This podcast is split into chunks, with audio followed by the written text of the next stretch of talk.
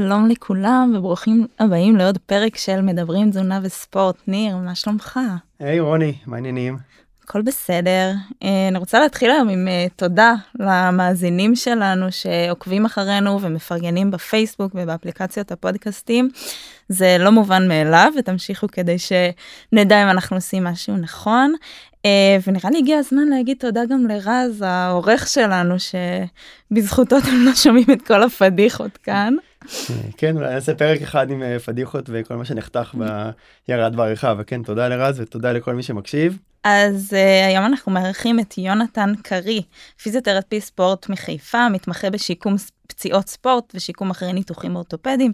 היה פיזיותרפיסט של uh, מכבי חיפה.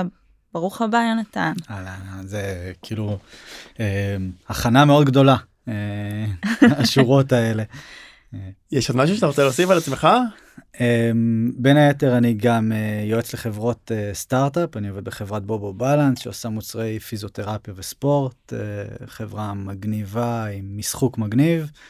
אמ, זהו. אז העולם הולך לשם, כאילו גם טכנולוגיה וגם...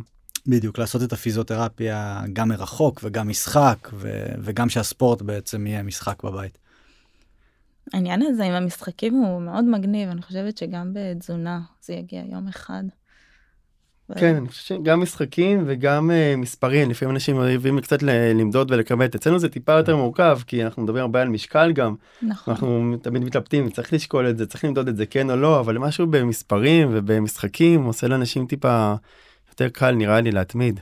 כן, להראות תוצאות ו- ולראות איך השתפרת או לא השתפרת, וזה קצת נותן uh, עודף אולי, מוטיבציה אפילו. אולי לפעמים. לקחת תחום שהוא קצת כאוב, כמו פציעות במקרה שלך, עודף משקל במקרה שלנו, ולהפוך אותו למשהו קצת יותר אה, קליל ונחמד. יפה. תמיד כשאני מרצה בקורסים ובכל ההרצאות לתזונת ספורט, אני תמיד מדבר על תזונה, על האימונים, אה, ואז אני מכניס לשם גם אה, תזונה, גם את האימונים, גם את המנוחה, את השינה, ואז במשולש הזה אני תמיד מכניס גם את הפסיכולוגיה ואת הפיזיותרפיה. אני חושב שכל הדבר הזה ביחד זה מה שגורם לספורטאי גם להיות יותר טוב, להשתפר. לגמרי, גם, גם בפיזיותרפיה מדברים על, ה, על המשולש הזה, המשולש שלנו זה תמיד השיקום, הפיזיותרפיה, או ניתוח, או, או מה שזה יהיה בתחום השיקומי האורתופדי, אה, תזונה, והשלישי אצלנו הוא שינה. כאילו זה תמיד המשולש שאנחנו מדברים עליו, שינה, תזונה ושיקום נכון. אה, אבל כן, תמיד יש את המקצועות שלנו מאוד אה, חופפים ומשיקים בקטעים האלה. כן, אז אני אתן כבר איזה טיפ ברמה שלנו, ברמת השינה והתאוששות. יש מחקר מאוד יפה שלקחו המון מתאמנים וראו מה הממוצע בערך של איכות חיים יותר טובה, זה משהו כמו 7.25 שעות שינה. זאת אומרת 7 שעות, 20 דקות, משהו כזה. זה סדר גודל. זה נראה לי מאוד משתנה בין גיל, גודל כזה, אבל uh, אצל ילדים זה קצת יותר, אוקיי? זה יכול להיות כן. בין uh, 9 ל-10 שעות שינה, אבל uh, נראה לי שהשאיפה תהיה להגיע לשבע, מי שישן פחות זה, זה קורה המון, בטח למי שהורה, אמ, אבל זה חלק מאוד חשוב בהתאוששות. כן. בוא נתחיל עם משהו שנראה לי כולם מתלבטים עליו וכולם עושים אותו ועדיין מתלבטים כן או לא, אנחנו בתור ילדים עשינו אותו המון, חימום, מתיחות, לפני אימון, אחרי אימון. זה זה נושא מה זה רגיש כי תמיד uh, באים אליי מטופלים ואומרים טוב יא בוא אנחנו מתחילים לעשות uh, טיפול בוא בוא נעשה מתיחות. ואומר לה איזה מתיחות עכשיו אתה רוצה לעשות. Uh, זה זה לפי דעתי המיתוס uh, הכי גדול שמופרך כל יום בעזרת uh, מחקרים חדשניים. ואני רוצה להפריד את זה בין uh, מתיחות סטטיות כמו שאנחנו מכירים להתכופף למטה להרגיש את הירך האחורית לבין uh, דברים דינמיים. Um, עכשיו עולם המחקר בורח מהר מאוד מפתיחות סטטיות. Uh, היום אנחנו יודעים שמתיחות סטטיות זה טוב להערכת שריר. עכשיו רובנו לא צריכים להעריך שריר אלא אם כן יש איזה מצב פתולוגי בעייתי. ואם כן אז הוא יעשה את זה במסגרת הפיזיותרפיה וכן יש מצבים שאנחנו עושים את זה בפיזיותרפיה מתיחות סטטיות. או שאנחנו רוצים להיות אה, לינוי אשרם או נטע ריבקין או משהו כזה ששם זה חשוב. כן. אה, סתם להיות יותר טובה מזאת של עדי בשיעור יוגה. כן לגמרי אמ, ומתיחות אה, מתיחות דינמיות אז אנחנו יודעים היום שזה כן עוזר אבל בצורה נורא נורא ספציפית ולפני אימון כלומר אם אנחנו הולכים לעשות סקווטים אז אפשר לעשות מתיחות ספציפיות לסקווטים. אה, אם אנחנו יכולים לעשות, אה, לשחק כדורגל, אז אנחנו נעשה דברים מאוד דומים לכדורגל כאמצעי חימום. לא בדיוק מתיחות, אבל משהו מאוד דינמי שאפשר לקרוא לו מתיחה דינמית. מתיחה דינמית זה תוך כדי, כדי תנועה של השריר? כן, בדיוק, בדיוק. מתיחה סטטית זה שאנחנו לא זזים, מתיחה דינמית זה תוך כדי תנועה, אה, זריקת רגל למעלה, אם אני הולך לבעוט בכדור, אז להעיף את הרגל למעלה ולמטה זה, זה מתיחה דינמית לצורך העניין. זאת אומרת אם אחותי מתחילה ועושה סרטוני יוטיוב כאלה שנכון זה לא ספורט תחרותי הישגי אבל אתה יודע התעוררה התאוששה התחילה לעשות משהו כדאי לה פשוט להתחיל יותר באיזי או שאנחנו לא מתיחות סטטיות זה בטוח. כן. Uh, אם באמת אנחנו עושים איזה איזשהו חימום לקראת אימון אז החימום שלנו צריך להיות מאוד דומה לאימון שאנחנו הולכים לעשות.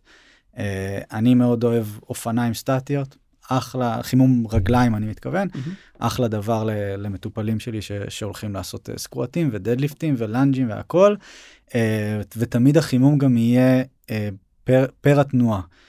כלומר אם עכשיו אני יכול לעשות uh, 50 קילו סקווט אז תמיד טוב לעשות סקווט אחד בלי משקל. סט אחד אני מתכוון 10 15 סקווטים בלי משקל כדי לחמם את, ה, את האזור ולהכין את הגוף באמת למשקלים. אמ, אבל כן זה זה הכיוון היום אה, פחות אה, מתיחות סטטיות ותנועה וחוסר תנועה יותר תנועה. מעולה. אני חושב שההערה של רוני הייתה מהממת מקודם שאמרת כזה אפילו להיות קצת יותר טובה ממי שלידי ביוגה.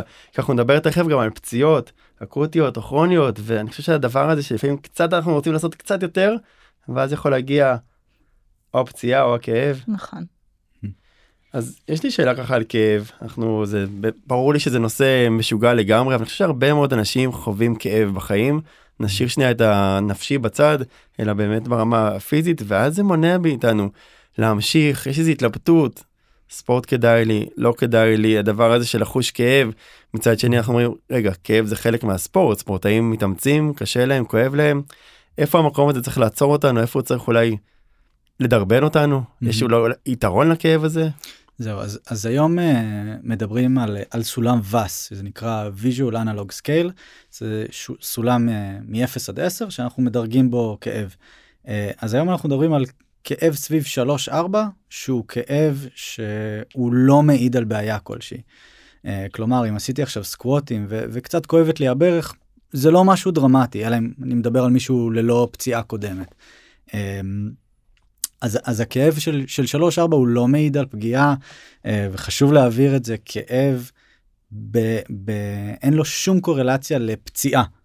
אה, יכול להיות כאב ללא שום סיבה נראית לעין, וזה לא אומר להפסיק את הפעילות. אה, זה כן אומר לשים עין על זה. אם הכאב הזה ממשיך או מתגבר, אז מן הסתם להוריד עומסים או, או לעבור תרגיל, אבל כאב הוא לאו דווקא משהו שלילי. עכשיו אתה מדבר על כאב תוך כדי, זאת אומרת עשיתי כן. איזשהו תרגיל ואני מתחיל להרגיש קצת. Mm-hmm. תוך כדי זה גם תופס לאחרי זאת אומרת סיימתי את האימון ולא יודע לא ישנתי בלילה זה מן הסתם כמו משהו שהוא יותר דרמטי כן לגמרי אה, אה, חוסר שינה דימות אה, כאב סטטי זה זה כן מעיד לאו דווקא מעיד על בעיה אבל מעיד שהיה פה התנהלות לא נכונה או מבחינת עומסים או מבחינת מנוחה. אז זה באמת אומר דרשני אבל שוב זה לא סיבה עכשיו לרוץ לצילומים ולאורתופד וגם לא לפיזיותרפיסט אה, זה סיבה קצת להוריד אה, להוריד את הרגל מהגז.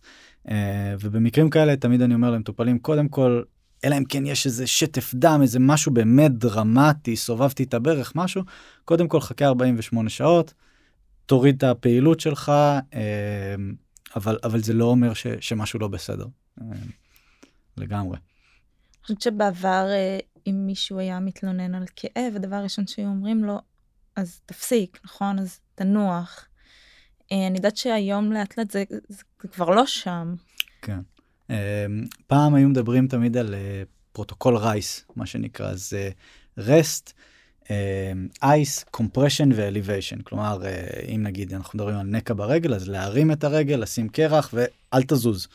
אה, היום מדברים על MICE, שזה במקום ה rest movement. אהמ. אה, כי אנחנו יודעים גם שהתנועה הזאת היא עוזרת להזרמת דם ולהוריד כאבים, אה, בעיקר ברמה הקוגניטיבית. כאילו להראות, אם עכשיו אני מפמפם את הקרסול, אז אני יודע שזה, אני יכול להזיז את הקרסול. זה מראה לה, גם למוח שאני יכול להזיז את הקרסול, uh, חוץ מההשפעה הפיזיולוגית החיובית של הזרמת דם לאזור.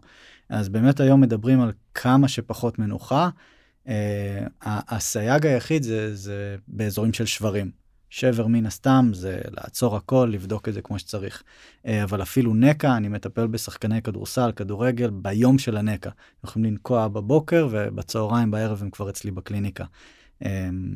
והם לא ינוחו, הם יעבדו אקטיבית. אני מאוד אוהב את הסיפור הזה של אה, רפואה אקטיבית יותר מאשר רפואה פסיבית. אני חושב שהפסיבית מאוד נעימה ויש בה אולי גם יתרונות, אבל יש משהו שאני חושב שהעולם הזה הולך לרפואה יותר אקטיבית ולהיות בדואינג אם אני לוקח את זה לקליניקה שלנו ולטיפול ב... במתאמנים או ספורטאים או ירידה במשקל אז גם שם המטופל צריך להיות בדואינג בעשייה באקטיבי זאת אומרת אם אני אתן לו את התפריט והוא יהיה בפסיבי והוא רק זה פחות קורה אז נראה לי גם אצלכם יותר הולכים לשם. בדיוק, בדיוק. Uh, השיקום מבחינתי חייב להיות אקטיבי. Uh, גם כאמור בבחינה של חיזוק שרירים, של תנועה, של uh, שיפור יציבות, הכל, uh, וגם ברמה, כמו שאתה אומר, של השתתפות. Uh, ובפיזיותרפיה אנחנו עושים גם איזשהו re-education.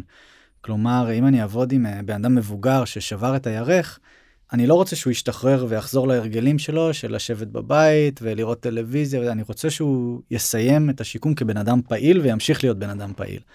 אה, וזה חלק מהמניעה גם של הפציעה הבאה.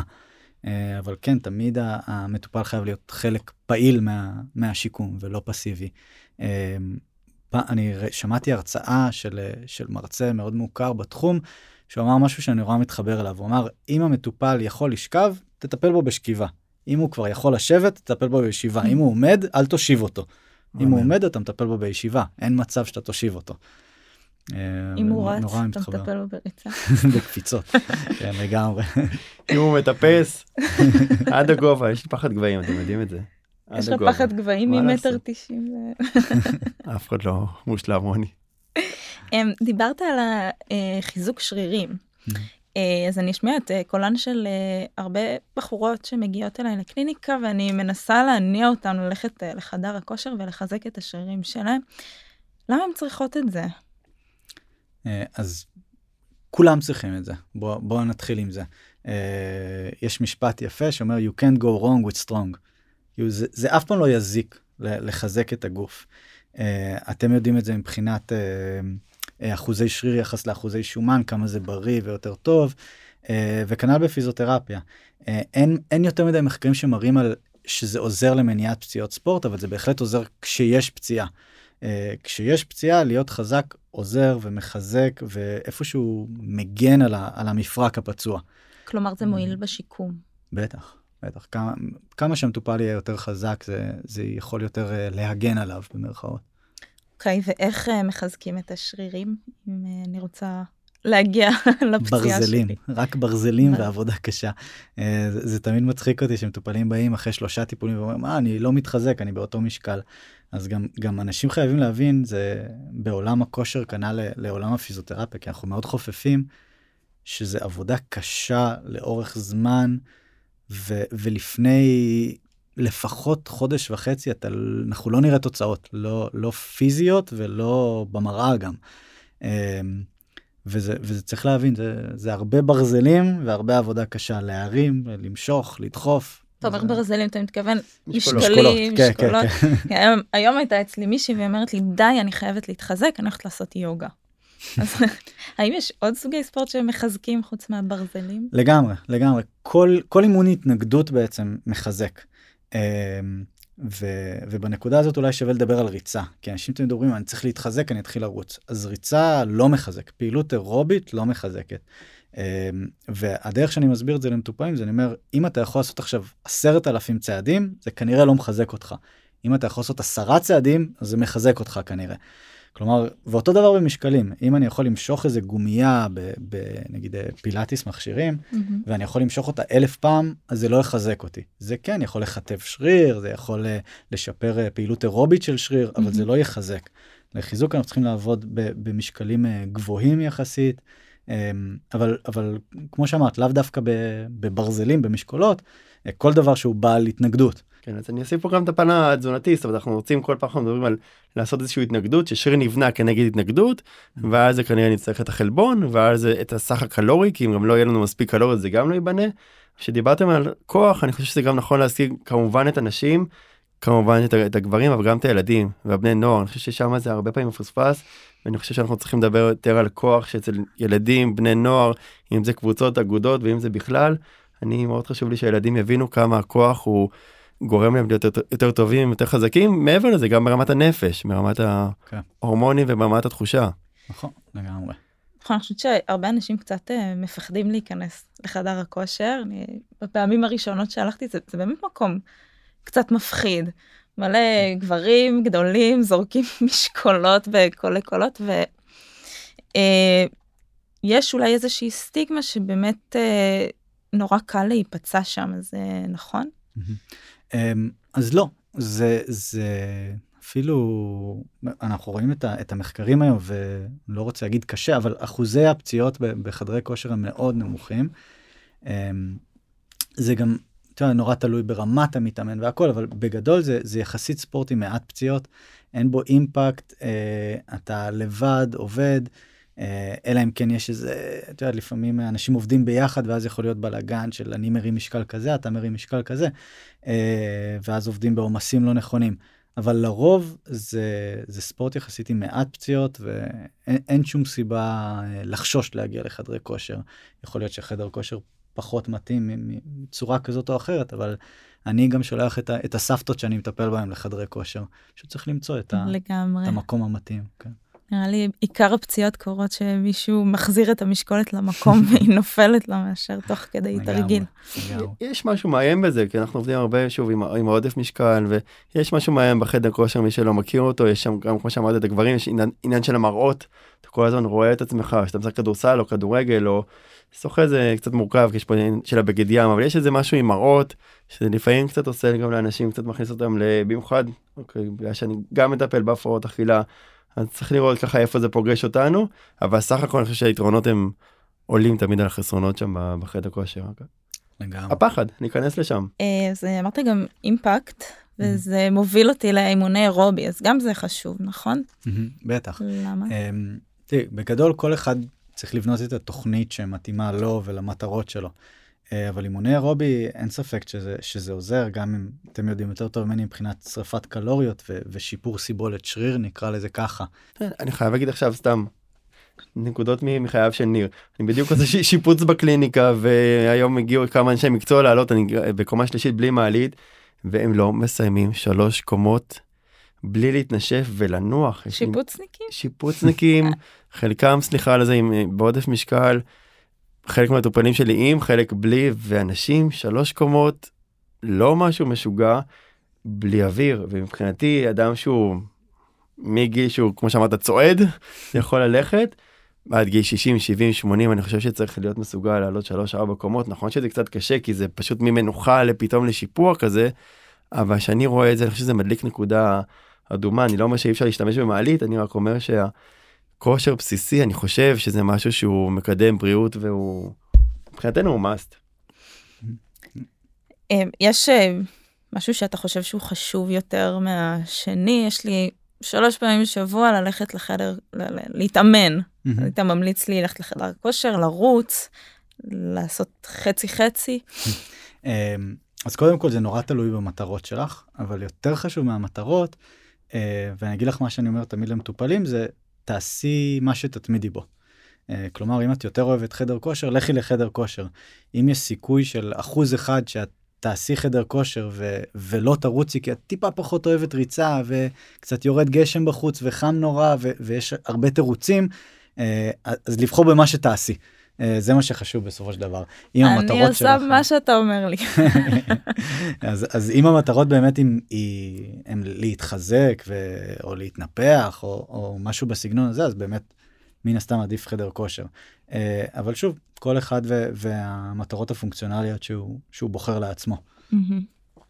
אני טיפה טיפה אקליל את זה כי אני חושב שאפשר לעשות את זה גם בבית. אומרת אנחנו מדברים הרבה חדר כושר וברזלים מה שנקרא משקולות אפשר היום תקופת הקורונה גם הוכיחה שאנשים הצליחו לקנות בבית ולעשות דברים ולפעמים בסדרת פשוטה של תרגילים עם מספיק התנגדות אפשר אני חושב להגיע ליופי של תוצאות כמובן שלא מדברים על הספורט המקצועי תחרותי שצריך באמת מסגרת אחרת אבל אני חושב שגם פעמיים שלוש בבית ברור בפרופורציות לאיזה תוצאות אפשר להגיע. אבל uh, זה יכול להיות גם משהו שהוא יותר ביתי ונוח לגמרי, לגמרי, זה, אתה רואה היום אנשים, אני אפילו לא מדבר על uh, הפיצוץ בציוד שקרה ב, בשנה וחצי האחרונות, שגם אני, השם, אני קניתי ציוד אולי ב-1500 שקל בתחילת הקורונה, uh, אבל באמת, TRX, כמה גומיות חזקות, uh, ואתה יכול לעשות אימון מדהים בבית, uh, וגם התחום הזה מבחינה uh, אינטרנטית של להשיג uh, מאמן אונליין, וגם פיזיותרפיה אונליין, השתגע והיום זה ממש אה, קל ונוח לעשות את זה גם לבד אבל אני אומר גם גם עם הדרכה מקצועית בתוך הבית. אה, ממש אה, יפה מה שזה עשה. כן זה היה מבורך באמת כל הקורונה הראתה כמה שאנשים גם צמאים לספורט וכמה זה היה חסר להם וזה באמת ככה אותי זה עודד שיש אוכלוסיות גדולות מאוד שזה היה חסר להם בדמם. בוא נדבר קצת על עודף משקל זה באמת התחום שלנו אבל יש איזה פעילות שהיא תמיד הם רוצים להתחיל. פעילות גופנית הרבה פעמים ביחד עם השינוי הרגלי תזונה וכמו שאמרת אידיאלי אולי לעשות מה שהם יאהבו אבל יש משהו שהיית אומר לא לעשות או איזה מספר שהוא. אה, אז אז הכל בסופו של דבר הוא עניין של ניהול עומסים אה, במיוחד בתחום הזה כלומר אה, לא הייתי אומר עכשיו לבן אדם עם עודף משקל יאללה תתחיל לרוץ עשרה קילומטר ביום אם הוא מסוגל אז אולי כן, אבל שוב, זה, זה הרבה עניין של אה, ניהול עומסים והרגשה. כלומר, אם הוא מתחיל לו כאבי ברך, אז תפסיק לרוץ. אה, תעבור להליכה, תעבור לשחייה, תעבור למשהו אחר. אה, כשאנחנו אה, מדברים על עודף משקל, אז יש עניין של אימפקט, של כמה שאתה שוקל יותר, אז מן הסתם הצעד שלך אה, יותר עומס על המפרקים. אה, במיוחד בריצה, בריצה אה, סטנדרטית אנחנו מגיעים לפי 4 משקל, בריצה מהירה אפשר גם להגיע לפי 8 משקל על הגפיים. אז אפשר להבין, אמנם הגפיים מיועדות, הברך בנויה לקבל עומסים, הקרסול בנוי, אנחנו לא, לא צריכים לפחד מספורט. אבל אבל באמת איזשהו ניהול עומסים נכון והתחלה איטית ומדורגת לגמרי. אה, זה נכון שכדי לשמור על המפרקים בפעילות האירובית אה, כדאי לעשות גם עבודת כוח ולחזק את השרירים מסביב mm-hmm. ואז העומס מתחלק. בדיוק. אמ, כן, זה, זה נכון, זה, זה מאוד, אה, בוא נגיד ככה, מאוד בריא להמשך הפעילות ולמניעת פציעות. אה, גם אה, אנשים שבאים אליי לאיזשהו אבחון שהם מפחדים ממשהו, באים אליי הרבה רצים שעושים מרט, מר, מרתונים וחצאי מרתונים ואיש ברזל, ואין להם בעצם תוכנית חיזוק, יש להם mm-hmm. רק ריצה ושחייה ואת כל הפעילות שלהם. וחשוב לדעת שצריך לצאת מהפעילות הזאת. אה, אימוני כוח זה דרך מעולה אה, להפחית פציעות אה, עתידיות. ואני ברשותכם אזרוק אותנו למשהו אחר, לפעילויות צידיות. היום אנחנו יודעים ש, שפעילות צידית, ואני עוד שניה אסביר מה אני מתכוון, היא, היא אחד מהגורמים הכי מפחיתים פציעות. אני אתן לכם דוגמה לפרמייר ליג באנגליה. באנגליה, שחקני כדורגל מקצוענים, התפקיד שלהם זה לשחק כדורגל. אה, עכשיו אנחנו יודעים שפציעה יכולה לעלות מיליונים רבים לקבוצה, אה, בטח אם זה אם זה תוצאות, אם השחקן הכי חשוב נפצע לפני גמר ליגת האלופות, זה, זה יכול להיות 40 מיליון דולר הפציעה הזאת. אז, אז אנגליה בעצם זה המקום כרגע הכי מתפתח בתחום הזה של מניעת פציעות, הפחתת פציעות. ואת רואה קבוצות פרמייר ליג, מנצ'סטר סיטי, מנצ'סטר יונייטד, צ'לסי, הקבוצות הגדולות עושות אימון יוגה פעם בשבוע, אימון פילאטיס, כדורסל, תמיד יהיה משהו אה, חיצוני שהוא עדיף כמה שיותר רחוק מה, מהספורט המקורי. אה, ואנחנו יודעים שזה, שזה מונע פציעות, אה, לא, מונע זה מילה לא טובה, אבל mm. מפחית פציעות. וואלה. אה, כן, זה תחום מאוד מעניין שמתפתח בשנים האחרונות, וזה מאוד, אה, מאוד מעניין התחום הזה. אז, אז רצים, חזרה לשאלה שלך, אה, רצים זה דוגמה טובה לאנשים שעושים רק ריצה בדרך כלל. אה, אני אין לי סטטיסטיקה על זה אבל כל מי שאני פוגש מבחינת הרצים המרתוניסטים חצאי מרתון הם רצים זה כל מה שהם עושים מבחינת פעילות. ואנחנו יודעים כמה עוד זמן נשאר אחרי שאתה רץ ארבע שעות. בדיוק. כל יומיים. יש איזה נטייה לאנשים באופן כללי של לחזק את החזק. זאת אומרת כיף מאוד לחזק את החזק ופחות כיף לעבוד על החלש או דברים שאנחנו צריכים לתחזק אותם וזה נטייה זה נטייה של אנשים ואני חושב שהתפקיד של אנשי מקצוע בין היתר זה בדיוק זה זה להזכיר להם על מה עוד צריך לעבוד וכמה צריך לתת לזה כי הנטייה של הבן אדם היא למשוך לאיפה שנעים וטוב לו וגם אם זה נעים לו לרוץ 4 שעות זה עדיין זה כיף לו, זאת אומרת, והוא פחות יעשה את הדברים האחרים. בדיוק, כש- כשמטופל בא ואומר וואו התרגיל הזה היה לי קשה, אני אומר יופי, זה, זה כנראה התרגיל הנכון בשבילך. אני רק אתן לכם את כל המשפטים שאני שמעתי מהמאמנים, אבל אנחנו שוחים שעות על שעות על שעות, ואחרי שעה וחצי שאתה כבר באמת כבר רוצה ללכת הביתה, ואז המאמן בא ואומר, עכשיו מתחיל האימון. לגמרי. אאוץ'. כן, אותי מעניין על עומס יתר, אני שומעת את המושג הזה הרבה פעמים, overuse, אה, פציעות שפשוט נגרמות מהמון ספורט, אז איך זה קורה, הסיפור הזה, או איך יודעים איפה לשים את הגבול? אוקיי, אז, אז קודם כל אני רוצה להגן על המילה עומס. עומס יתר, את צודקת, זה לא טוב, אבל הרבה אנשים שומעים את המילה עומס ויש איזו רתיעה כזאת. עומס זה משהו חיובי. אה, עומס זה מה שגורם לגוף להתחזק, להשתפר, אה, וגם אה, מראה לנו יכולת. עומס, עומס נותן לנו להרגיש טוב יותר. אם היום הרמתי 100 קילו ומחר 105, אני מרגיש טוב עם עצמי וזה גם סוג של דרבון עצמי. עומס יתר זה סיפור אחר. עומס יתר, היום אנחנו יודעים שרוב הפציעות נגרמות מעומס יתר. אמ, בטח הפציעות החובבניות, ואפילו אה, גם, גם בספורט המקצועי רואים את זה. אנשים שאומרים, אה, זה כלום, אני קצת מרגיש, אני, אני קצת מרגיש את הברך, קצת מרגיש את הירך, ו- וממשיכים עוד אימון ועוד אימון, ותוך שבוע זה כבר נהיה פציעה. אה, אני יכול להגיד לכם גם על עצמי שאני חטאתי בזה. אה, בעברי אני חשבתי שאני יכול לשחק אה, פוטבול, יש קבוצה בחיפה, כמה ספרינטים, הרגשתי קצת את הרגל, אבל אני באמצע אימון עם קבוצה, אני לא יכול, לא יכול להפסיק, כאילו מה, אני, אני זה שיפסיק, שכולם פה מתאמנים. המשכתי, המשכתי וקראתי את השריר תוך עשר קראת את- דקות. איזה שריר? קראתי את הארבע ראשי. וואו. מה שמצחיק שזה היה שבועיים לפני הירח דבש, שטסנו להוואי ואני גולש גרוע מאוד, אבל רציתי לגלוש בהוואי, זה חוויה. וטחנתי פיזיותרפיה לעצמי חמש, שש שעות ביום, ובסוף גלשתי, למזלי, אבל זה היה על הקשקש. אה, ביום של הטיסה עוד עשיתי תרגילים וזה, וזה היה ממש על הקשקש. אבל, אבל ממש סיפור סינדרלה אחרי שבועיים של קרע. בארבע ראשי. אה, קרע קטן. גולש בהוואי. אה, לא, אבל זה, זה אגו ו, וחשיבה לא נכונה ו, ואי הקשבה לגוף שלנו, זה הגורם העיקרי לזה. אה, וגם זאת אני ספורט זה יודע- בריא, אבל יותר מדי ספורט זה לא כל כך בהכרח בדיוק, בריא. צ- צריך, צריך את האיזון. אה, מי שעושה ספורט, אה, בסופו של דבר יקרה לו משהו, ייפצע. ו- ולא לפחד מהמשפט הזה, כי, כי פציעה זה, זה פשוט, ההגדרה של פציעה זה פספוס אימון. כולנו נפספס אימון, קצת מרגיש לי פה, קצת מרגיש לי שם, וזה בסדר. וכל מי שמתאמן ייפצע, ולא צריך לפחד מזה, ולא צריך להירתע.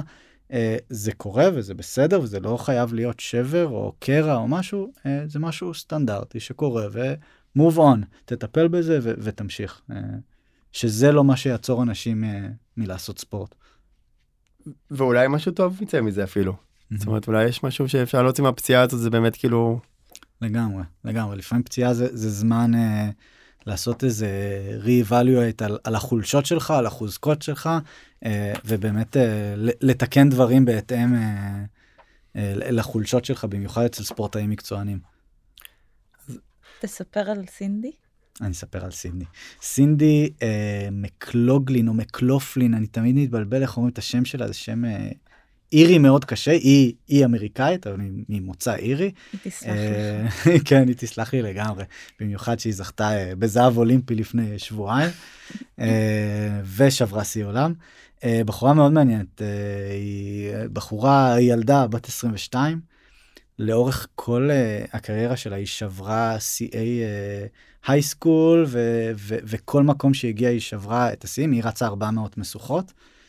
Um, בגיל 17 שהיא כבר ניצחה ושברה את שיא הקולג'ים וכבר הייתה באליפות העולם עד גיל 21, בגיל 17 כבר ניצחה את אליפות העולם עד גיל 21, uh, היא מתחה את המפסעה.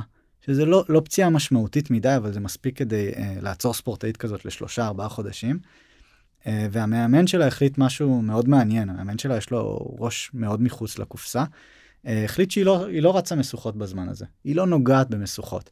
Uh, וכל מה שהוא עבד, ומשוכות זה, זה, אני אכנס שנייה לזה, זה נורא מותח את המפסעה, כי צריכים להרים את הרגל בצורה כזאת שמותחת את המפסעה. Uh, אז בכל הזמן הזה שהיא לא התאמנה, וזה כמעט שמונה עשרה חודשים עונה שלמה של של ריצות היא לא רצה משוכות היא כן רצה 400 היא כן עבדה על טכניקה על חיזוק וזה שיפר לה את המהירות ואת הטכניקה בצורה משוגעת. ועובדה שהבחורה הזאת סיימה את השנה הזאת, אה, אחר כך שברה את אה, שיא עד 21, שברה אותו שוב בגיל 18, אה, והנה בגיל 22 שברה את שיא העולם פעם שנייה בשבועיים, שברה אותו פעם במבחנים האמריקאים לקראת האולימפיאדה, ואז באולימפיאדה שברה אותו שוב. וואו. כלומר, הפציעה בעצם לימדה אותה משהו על עצמה ועזרה לה להשתפר. בדיוק, מדהים. מדהים. פתאום כמעט בא לי להיפצע. אני, אני לפעמים מורח שמן על הרצפה ליד הקליניקה ש...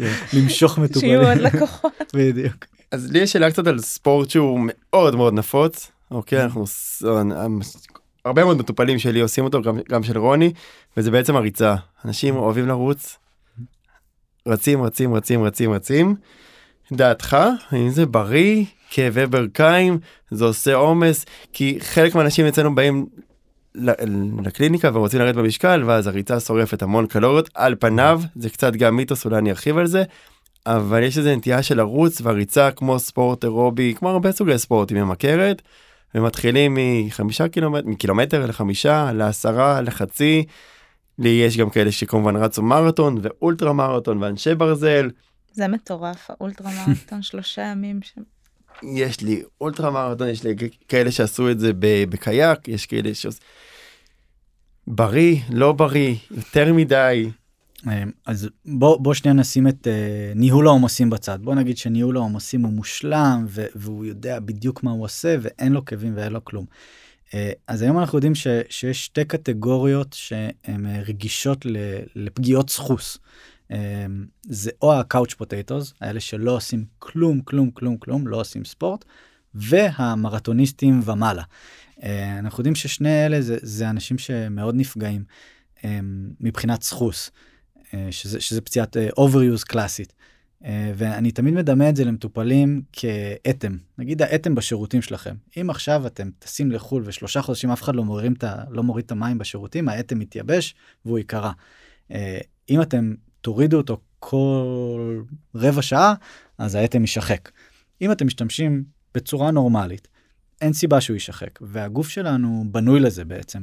אה, אפילו ה, ה, במרכאות הפגיעה הזאת בסחוסים של ריצה, האימפקט הזה over and over זה משהו שהסחוס מיועד מיועד להתמודד איתו וזה אפילו עוזר לו להיבנות מחדש. Uh, במקרה היה לי אתמול שלשום שיחה עם uh, אורתופד שהוא מטפל הרבה בפציעות סחוס. הוא אומר שאחד הטיפולים הכי נפוצים היום זה קדיחה בסחוס. אה, ממש לפגוע בסחוס כדי שהוא יעשה איזה ריג'נרייט, יזרים לעצמו אה, אה, דם מחדש. וואו, לא אה, תודה. כן, זה, זה לא נשמע כיף, אבל לאנשים שיש להם חור בסחוס אין הרבה פתרונות. Mm-hmm. אה, אז, אז עצם הפגיעה בסחוס היא, היא יכולה גם אה, לעודד. אה, אז באמת אנחנו יודעים שמעבר למרתון, אה, זה, זה עומסים ש, שהגוף אה, קצת יותר מתקשה להתאושש ממנו, גם כי בדרך כלל האנשים האלה עושים, רצים כמעט כל יום, אה, אז אין להם איזשהו זמן התאוששות, אבל הברך המיטבית, המפרק המיטבי צריך את העומס הזה בגבול הנורמה. כן. עד, עד מרתון. עד מרתון. כזה לא, כלל אצבע. גם, אה, גם, גם אולטרה מרתון זה, זה בסדר גמור, כאילו זה נכון וזה טוב, ואם זה המטרות, זה בסדר גמור לעשות, זה לא אומר שתיפצע, זה אומר שהסטטיסטיקה יותר גבוהה. לפציעות. אמ, אם אנשים שעושים אולטרה מרתון פעם אחת ומתאמנים לזה במשך שנה, שנתיים, הכל טוב. מי שעושה את זה over and over ובמשך עשר שנים יש את ה... תמיד אנחנו רואים בחדשות הבן אדם שרץ 50 אה, מרתונים בשנה זה לא כל כך בריא. אה, אבל להגיע לשם ולעשות את זה פעם אחת כאיזשהו מין הישג זה, זה בסדר גמור. אני גם חושב שלא כולם יודעים אבל ההכנה למרתון היא לפעמים לא כל כך היא סיזיפית מאוד אבל יכולה להיות גם בשלושה וארבעה אימוני ריצה בשבוע מה שספורטאים מקצועיים יכולים להתאמן פעם ביום פעמיים ביום שלוש פעמים ביום בדרך כלל לא רוצים שש פעמים בשבוע זאת אומרת גם מי שמתכונן למרתון לא רץ שש פעמים בשבוע. ועוד דבר שיש גם באותו סוג ספורט שיא עולם במרתון בערך שעתיים 0 0 שעה 59 9 תלוי באיזה מסלול אבל בוא נגיד ששעתיים זה שיא עולם יש הבדל גדול בין מישהו שרץ שעתיים מרתון לארבע וחצי שעות מרתון. לדעתי זה כבר שני סוגי ספורט שונים. זאת אומרת, מישהו שמתאמץ 4 שעות, 4 שעות, 5 שעות ברצף, זה לא אותו דבר כמו לרוץ שעתיים, 3 ברצף. אז מרתון הוא משתנה, גם אולטרה מרתון או איש ברזל, איירון מן משתנה בין 9 ומשהו שעות ל-12 שעות. נכון, נקודה מעולה. טוב, אתה מתעסק הרבה עם ספורטאים, היית במכבי חיפה, זה... פציעות זה חלק בלתי נפרד מהספורט, כלומר כל ספורטאי מקצועי חווה פציעה מתישהו בקריירה שלו. כן, לגמרי. אה, יותר מזה, גם, גם ספורטאי חובב, חובב, אה, סליחה, כנראה, כנראה ייפצע בשלב מסוים. אה, אבל שוב, כמו שאמרנו, זה, זה תקין, זה חלק מהספורט. אה, עם התנהלות נכונה, יוצאים מזה גם מאוד מהר. אה, זה, זה לא, לא חייב להיות משהו דרמטי, אנשים שומעים פציעה וישר מדמיינים שבר ו, וצולבת ו, ופציעות מאוד ואמבולנס. קשות, בדיוק. מיון וניתוח וזה, רוב הפציעות, 90 אחוז, 95 פלוס לא מגיעות בכלל לאורתופד, אני לא מדבר בכלל על, על ניתוח ומיון וזה, זה, רוב הפציעות זה כאב, כאב בשריר שוואלה, מחר אני נח, זה הכל. אה, ו, ואנשים שיותר קשובים לגוף, זה יכול להיגמר ככה, זה צריך להיגמר ככה. אני אנוח יום אחד. גם צריך להסתכל על מה אתה מרוויח לעומת מה אתה מפסיד. אה, זאת אומרת, לגמרי. ה- כן, היתרונות שבדבר הזה כל כך לרוב עולים על החסרונות, ואם אה, נימנע בגלל הפחד המתמיד הזה מפציעות, אנחנו גם ניפצע, כי כמו שאמרת, גם לשבת על הספה זה מאוד מאוד לא בריא, ואולי ב- בדיוק. פציעה מבטיחה. זה גם תמיד אה, איזושהי התנהלות מול, מול המצב ומול הסטטיסטיקה. כלומר, שחקן שקצת מרגיש את הברך לפני אה, גמר גביע, אז, אז אה, מן הסתם ירצה יותר לשחק את הגמר גביע מתחילת עונה שהוא יפספס משחק אחד, לא יקרה כלום, יפספס שני משחקים, לא יקרה כלום. אה, אז תמיד התועלת, אה, צריך לחשב את התועלת מול הסיכון פה. אה, אז שוב, זה, זה כמו שאמרת, זה נורא, נורא תלוי סיטואציה. אמרת קצת שריר תפוס ושריר כואב, בא לי קצת לדבר על זה למרות שאמרנו שזה נושא מסובך טיפה, אבל בכל זאת אולי, כי כי הרבה אנשים מתאמנים ואז פשוט נתפס להם השריר. יש משהו לעשות עם זה? אני אדבר קצת אולי על התזונה, אבל משהו... מתיחות. בטח, מלא מתיחות סטטיות. אה, כן, לגמרי. אה, היום אנחנו מדברים על אה, שבמרכאות התרופה הכי טובה לזה, זה פעילות אירובית קלה. אה, כלומר, עשית אימון סקווטים נורא חזק בחדר כושר, אז באמת הדבר הכי טוב יום, יום למחרת, זה תדברו אתם על החלק של התזונה וזה, אבל בעיקר פעילות אירובית, ללכת, לעשות אופניים, משהו קליל כדי להזרים דם לשריר. זאת אומרת, לתת לגוף לעבוד. ואני אגיד על התזונה קצת, באמת, הרבה אנשים לוקחים מגנזיום, הנטייה היא לקחת מגנזיום, מגנזיום ומגנזיום, אז אנחנו יודעים ממחקרים שהמגנזיום הוא לא עוזר, אוקיי? ברמה הזאת הוא, הוא לא עוזר ל, לשחרר את השריר, מה שכן עוזר אולי, אוקיי? אני אגיד את זה מאוד בזהירות, שלא ירוצו לקנות הכל, אבל אנחנו מדברים על כמה מינרלים, זה נתרן, אשלגן, מגנזיום וסידן, אולי כולם ביחד יכולים לעשות את זה. אני אישית מאמין, נראה לי שגם רוני, אה, בירקות, בפירות שמכילים את כל המינרלים, ויטמינים, מינרלים, יש אולי יותר סיכוי. מגנזיום עוזר למי שיש חסר. אוקיי, זה יכול להיות דווקא אצל אלכוהוליסטים, או כאלה ששותים מים מותפלים יותר, שיש שם פחות מגנזיום, וואלה. נשים בהיריון אולי, אבל מגנזיום כמגנזיום יותר עובד כפלצבו. זאת אומרת, אנשים לוקחים ומרגישים, ועם זה אני אף פעם לא הולך להתווכח, מהמם. אבל ברמה המחקרית הוא לא לגמרי עוזר. אני מאמין גדול בסלט פירות טוב, כזה משהו עם שפע של ויטמינים, מינרלים, אחרי הפעילות. כמובן עם איזושהי פעילות אקטיבית בהמשך, ואני חושב שזה יעבוד יותר טוב ממגנזיום. אם כבר פתחת את זה, מה עם קורקום? תמיד מדברים על קורקום כאיזשהו קורקומין, קח קורקום, זה כל הסבתות. אמ, אז קודם כל המחקרים, יש מחקרים טובים על קורקום, אבל במחקר יש כמה דרגות של הוכחה, והוא עדיין לא נחשב בדרגת הוכחה A, אוקיי? ברמה שאנחנו יודעים להגיד כמה לקחת, מתי לקחת ואיך לקחת, ומה ההשלכות. כן יש מחקרים, נטייה טובה למחקרים טובים לקורקום, וגם פציעות וגם התאוששות ושיקום. כבדהו וחשדהו כי באמת לא יודעים כמה. יש מחקרים מ-150 מינון מאוד נמוך עד 2, 3, 4 גרמים. אוקיי. ברמה הזאת. כן. ואז זו שאלה טובה כאילו כמה. כן, כנראה שמה שסבתא שמה באורז זה לא... זה לא יספיק. זה לא היה- מה שיציל לא היה אותנו. משמעותי, כן. כן. טוב, אז דיברנו קצת על איזה אימון אה, יותר טוב, איזה פחות, אבל עדיין אני רוצה לשאול את זה בצורה קצת יותר ברורה, יש המון המון אה, אימונים היום בחוץ, ויש קרוספיט ומשקל גוף ואימון פונקציונלי ורובי ופילאטיס ויוגה. האם יש סוג ספורט שהוא יותר טוב מהשני, או שזה נטו מה שכיף לי וטוב לי ואיפה שאני אתמיד? אז תראי, אז אמ, בוא נגיד ככה, מן הסתם אם מטופל שסיים שיקום כתף אה, אחרי ניתוח קשה והוא עדיין צריך לחזק את הכתף, אז ריצה פחות תתאים לו, mm-hmm. כי הוא פשוט לא יחזק את הכתף בריצה. אמ, אבל כמו שאמרת, אם הוא יתמיד בריצה והוא ירוץ אה, עכשיו אה, שלוש פעמים בשבוע, ואם אני אגיד לו עכשיו תעשה אימוני משקולות בחדר כושר לכתף, הוא יעשה אימון אחד ולא זורם לו כי, כי לא כיף לו, והוא לא ירוץ, הוא לא יעשה משהו אחר במקום, אז זה, זה לא היה שווה לי כלום. אז, אז זה איזשהו משחק מבאמת מה שטוב לך, אה, לבין מה שאתה תעשה באמת. אה, משחק עדין כזה. בדרך כלל אני דוחף מטופלים למשהו, לאזור מסוים, ואני אומר, אם לא תעשה את זה, אז תעשה מה שאתה אוהב. אם אתה אוהב לשחק כדורגל פעמיים בשבוע, שחק כדורגל פעמיים בשבוע. אם אתה יכול גם להוסיף איזה, את האימון שאתה צריך, פצצה. אבל תעשה מה שתעשה. זה בגדול. ומה אתה חושב על אימוני קרוספיט או HIIT או פונקציונלי שזה אימוני כוח אבל בדופק גבוה, סוג של אירובי וכוח ביחד. בדיוק. זה טרנד מאוד חזק בחמש-שש שנים האחרונות. אה, מאוד מעניין. אה, אני, המחקרים מראים על מעט מאוד פציעות במקומות האלה, שזה מעניין כי באינטואיציה שלנו אנחנו חושבים קרוספיט, אנחנו חושבים פציעות ו, ואנשים שככה ומרימים יותר מדי וזה, אבל בפועל הסטטיסטיקה מראה ממש מעט פציעות, בטח לעומת טניס, כדורגל, כדורסל, דברים אה, שמאוד פופולריים בארץ. אה, אחלה אימונים, אני מאוד בעד. אה, הכל עניין של ניהול עומסים, ממש הכל עניין. לא ליפול לאגו, וחבר שלי מרים אה, 50 קילו, אני חייב לעשות 52. אה, כל אחד שיעשה מה שהוא יכול ומה שטוב לו ולשים את האגו מחוץ לחדר כושר מחוץ כן, לאימונים. כן יש יתרונות וחסרונות באימוני קבוצה. קבוצה מצד אחד נורא מדרבנת הרבה אנשים לא ילכו אם לא יהיה את הקבוצה. ומצד שני היא מאוד מדרבנת אותך גם לצאת מגבולות היכולת ולהרים יותר משקל ממה שהיית מסוגל. ואולי שם אנשים נפצעים יותר איפה ש... לגמרי לגמרי. צריך הרבה בגרות במקומות האלה. הזכרנו קצת את נושא התזונה אני חושב שדיברנו קצת ויטמינים, מינרלים.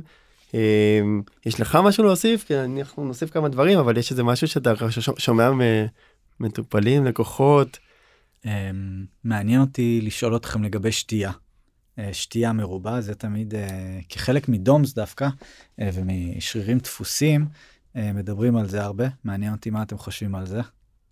השתייה, הנוזלים. על, על כמות, כן, כמות נוזלים פר יום, כמות נוזלים לבן אדם פצוע מול בן אדם רגיל. אה, אוקיי. אני חושבת ש... אה, לא יודעת אם תתייחס לזה בתור שתייה מרובה, או חוסר שתייה. אני חושבת שרוב האנשים פשוט לא שותים מספיק, וכשאתה מתאמן במצב שאתה מיובש כבר, אז הסיכון הוא אה, הרבה הרבה יותר גדול. גם הסיכון וגם הביצוע. זאת אומרת, לא חייב להיות שתיפצע, אבל בהכרח הביצוע שלך יהיה טוב יותר אם תהיה רווי, מאשר אם תהיה מיובש. והמילה מיובש היא אולי עושה קונוטציה של uh, תחושה לא נעימה, כאבי ראש, יובש בפה, אבל אתה יכול להיות מיובש גם כשאתה לא מרגיש שום דבר. ולכן אנחנו ממליצים מראש לתגבר בשתייה מאותה הנחה שאנשים לא שותים מספיק, ובטח שהם עושים ספורט ומאבדים גם. uh, מדינת ישראל שזה מדינה חמה, אז uh, על אחת כמה וכמה. מעולה ואני אוסיף כמה דברים כאילו מאוד טכניים אני חושב שקודם כל נכון לא תסתכל על צבע השתן כמה שזה נשמע הכי פשוט וכזה טיפ מכיתה ג' mm. אבל הסיפור הזה של צבע השתן חוץ מבבוקר שהוא טיפה יותר עם צבע וריח במהלך היום בטח לפני הפעילות להסתכל עליו. אה, אנחנו יודעים שאידיאלי להישקל לפני ואחרי הפעילות בטח אם זה ביום חם בטח אם זה אצלנו בארץ, להישקל לפני ואחרי, לראות כמה איבדתם, מה שאיבדתם זה, זה בעיקר נוזלים, זה לא קלוריות כל כך וזה לא משקל, אלא כן. בעיקר משקל שהוא נוזל, ואז להחזיר פי 1.2 עד 1.5 ממה שאיבדנו, וואלה. והשונות פה היא מאוד מאוד גדולה. זאת אומרת יש אנשים שבאמת מזיעים ליטר באימון, תלוי גם מה זה אימון, שעה, שעתיים, שלוש, ארבע, כן. ויש כאלה שמזיעים המון, ש... שני ליטר ושלושה ליטר בשעה, זה יכול להיות השונות מאוד מאוד גדולה. אז אנחנו רוצים להחזיר פי 1.2, 1.5, ואז אם נשתה רק מים ונוסיף עוד מים ומים בלי מלחים, אז יש סיכוי שנגיע באמת להיפונטרמיה, שנדלל את המלחים. ולכן אמרתי ככה מקודם, זה יכול להיות עם כדורי מלחים, לשם רמזתי, עם הנטרן, אשלגן, מגנזיום וסידן, זה יכול להיות עם השקעות איזוטונים, וזה יכול להיות גם מה שאני יותר אה, ממליץ, שהפירות והירקות מכילים מספיק ויטמינים מינרליים, אפשר להוסיף לזה קצת מלח או דברים כאלה, או לא יודע, גבינה בולגרית, אבל הנושא של המים הוא קריטי, כמו שאמרת, הנושא של מספיק קלוריות להתאוששות, בסוף הגוף הזה נבנה מקלוריות, ואם לא נכניס גם את, את הפחמימות והחלבונים והשומנים, זה גם לא יקרה. אה, והמנוחה שהתחלנו עם זה, זאת אומרת, על כל זה גם ישב, תשב המנוחה. אוקיי, מגניב. אפשר עוד שאלה אם כבר אנחנו פותחים את זה? מה, אני לראיין אראיין? אתכם, בדיוק, נחליף מקומות שנייה. תביאו את הדפים. אני פשוט ראיתי אצל, אצל מטופלים שלי, כי מן הסתם השיקום, שהשיקום אקטיבי, אה, אני מצפה להתחזקות ולבניית שריר, אה, ואני רואה אצל מטופלים שלי שלוקחים תוספי תזונה, או אני מתכוון מבחינת חלבונים, או פשוט אוכלים יותר חלבונים, לאו דווקא אבקות וכאלה, אה, אני רואה שיקום יותר מוצלח בעצם. מה, מה אתם חושבים בכיוון הזה? אכילה של חלבונים בשיקום לעומת בן אדם בריא? אני לא יודע אם יש איזה מחקר, אוקיי? אני לא בטוח שיש איזה מחקר, אני חושב שיש משהו ב compliance, שאנשים לוקחים אבקה, אבקה לא תנצח אוכל, אוקיי? בגדול. יש איזה משהו שאתה גם הולך לפיזיו, ואתה גם לוקח אבקה, ואתה גם נח קצת, ואתה משתפר, והמוטיבציה שלך היא יותר גדולה. אני חושב שאם יבדקו את זה ממש במחקר, זה יהיה שם. אם להבדיל נדבר על קביעות ודברים כאלה, רקמה צריכה להשתקם, אז כן, אין ספק שחלבון צריך בשביל להשתקם. האם צריך אקסטרה? אנחנו לא מכירים מחקרים ממש על שצריך לעשות אקסטרה, אבל יש אנשים שלא מגיעים למינימום, זאת אומרת של גרם, 1.2, 1.6 גרם חלבון לקילוגרם משקל גוף, ואז אני מעריך שהאבקה הזאת אולי נותנת להם איזשהו אקסטרה. אבל אני חושב שיש פה עניין של מוטיבציה, פלוס באמת להגיע למינימום שלא כולם מגיעים לזה, אפשר לאכול גם בריא וגם לא בריא דל חלבון.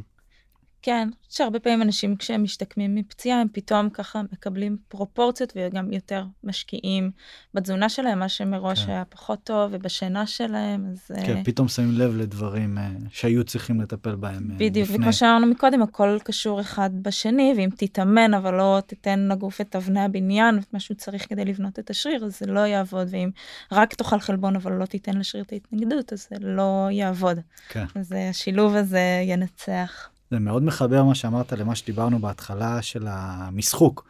אה, כאילו אם אתה גם לוקח אבקה וגם עושה פיזיות אז זה כאילו כמו עם השעון שמודד צעדים.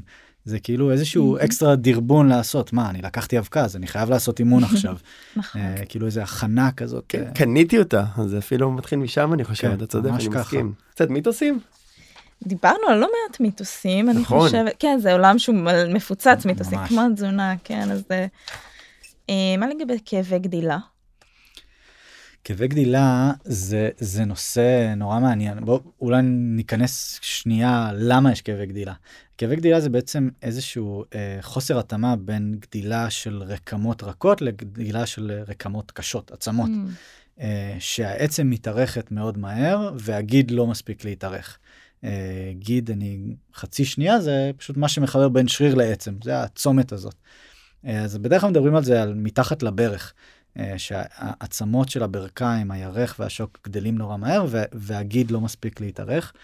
ואז מה שקורה זה שהגיד מושך נורא חזק את העצם שהוא מחובר אליה, במקרה הזה עצם השוק, אה, ואז יש כאבים ספציפיים בנקודה הזאת. אה, לצערי אין הרבה מה לעשות עם זה. אה, בפיזיותרפיה אנחנו בעיקר עושים דברים למניעת כאב. אה, חשמל, קירור, taping.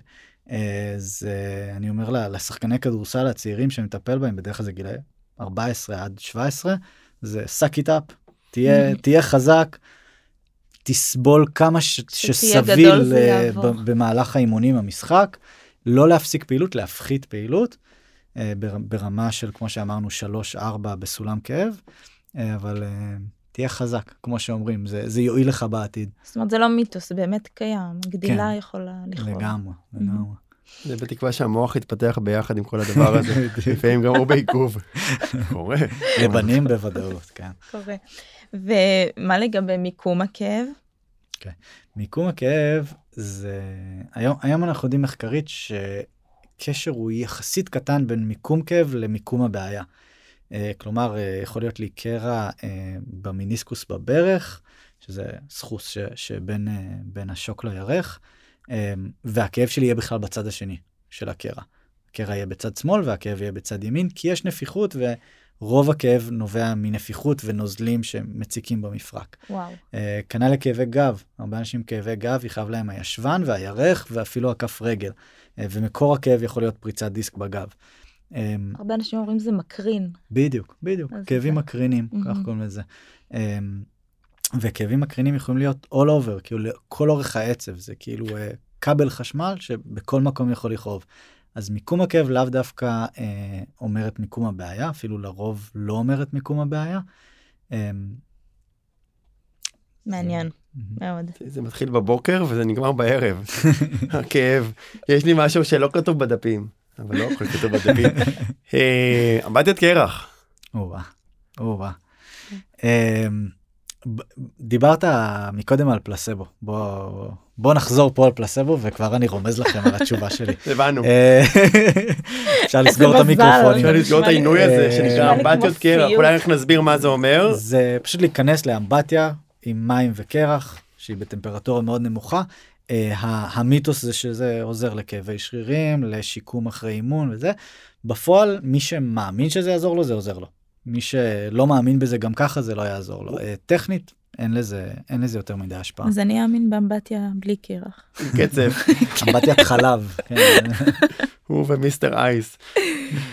טוב אז אנחנו רוצים uh, לסיים עוד מעט ולאחרונה התחלנו בפינות של הכר את האורח אז אתה עוד מעט הולך אבל קצת נכיר אותך לפני שאתה הולך. אז uh, שאלה ראשונה מה היית אם לא היית פיזיותרפיסט? אני מבין שזה החלק המביך של ה... זה השלב שרז שם מוזיקה דרמטית ואנחנו עושים את זה. אמ, לעמם את האורות צריך. אה, אני אה, הגעתי לפיזיותרפיה שאני אחרי הצבא נורא נכנסתי לאימון וכושר אה, ורצתי מלא התכוננתי לחצי מרתון ובהמשך רציתי גם מרתון. כאבה לי הברך, כמו ש, שקורה ל, לרוב האנשים שהם מתנהלים לא נכון, כי אני לא ידעתי מהחיים שלי כלום ופשוט רצתי. Uh, הלכתי לפיזיותרפיסטית והייתי בדיוק בסיום פסיכומטרי ואמרה לי בוא תלמד פיזיותרפיה שאלתי אותה מלא שאלות והתעניינתי וזה אמרה לי אמרתי לה זה לא בשבילי. ונרשמתי לפיזיותרפיה כעדיפות שנייה ונרשמתי לטלוויזיה וקולנוע כעדיפות ראשונה. וואלה. Uh, ולאט לאט תוך כדי החודש חודשיים אחרי הרשמה יותר התעניינתי בפיזיותרפיה ולמדתי וחקרתי מה זה בדיוק וביקרתי קליניקות וכאלה. אה, והייתי בהרשמה באוניברסיטת תל אביב לטלוויזיה וקולנוע. קיבלתי טלפון מאוניברסיטת חיפה של הלו לא החזרת לנו תשובה אתה בפיזיותרפיה או לא. ועמדתי ככה כמה דקות אמרתי אני יכול כאילו היא אמרה אני צריכה תשובה עכשיו ואמרתי זה כאילו החלטה של כל החיים שלי אפשר שנייה. ואחרי חמש דקות של חשיבה וישבתי בצד אה, נרשמתי לפיזיותרפיה נכנסתי לאוטו וחזרתי לחיפה. מאז ועד היום. זה ממש רגע כאילו של עמדתי בתור כבר באוניברסיטת תל אביב. פספסנו את סטיבן שפילברג. לפחות היה ירח דבש זה כבר משהו טוב. יש איזה גידלי פלז'ר או מאכל אהוב או אה, משהו ש... שאתה הכי אוהב? אני אני יש לי בעיה עם שווארמה. זה יש את השווארמה זה זה המאכל היחיד שיש לו זיעה תשימו לב. יש לו את הטפטוף הזה של השווארמה למטה וזה המאכל היחיד שיש לו זיעה והיא כיפית והיא טעימה. איכשהו הצלחת לחבר את זה לספורט גם פיזיותרפיסט בדם גם את האוכל חיברת לספורט. לשיקום בעזרת באמצעות שווארמה. עלית פה על משהו. נפתח שווארמיה ופיזיותרפיה. אז מה שווארמה אהובה עליך נכון לכל מי שאוהב שווארמה? בחיפה יש. אוהב רק את ה... אה, האמת שאין לי אהובה אני אני מה שנקלע לדרכי אני אוכל רק שיהיה אמבה. שיצא גם בזה. פוליאמורי של השווארמות. יונתן איזה ספורט אתה עושה אם בכלל? אה, אני הייתי תקוע הרבה שנים באגרוף עד שנכנסתי אה, אה, לזירה עם מישהו אה, שלא הייתי אמור להיכנס איתו לזירה נגיד זה ככה אה, וזה היה פחות כיף. איך זה נגמר בפיזיותרפיה? אה, נגמר שהייתי על הרצפה. אה, לא בפציעה אבל בנמנום נמנום אה, נמנום קל. אה, והיום אני עושה אה, הרמת משקולות בעיקר, אה, לא בצורה רצינית, כ- כתחביב, אה, וריצות, אה. וקצת טניס. אה, פעם בשבוע ככה. יפה מאוד. nice. אנחנו רוצים להגיד אז תודה רבה. תודה ש- לכם, נהניתי. המון תודה, היה מעניין, וזה עדיין מעניין, וזה ימשיך לעניין. אה, נצטרך עוד אה, כמה פרקים בשביל לכסות את כל המידע שיש בתחום. כן, אני חושב שזה נושא מרתק וסופר חשוב, ושוב, תודה שהגעת, וקול. נהניתי. תודה רבה. תודה לכם. יאללה ביי.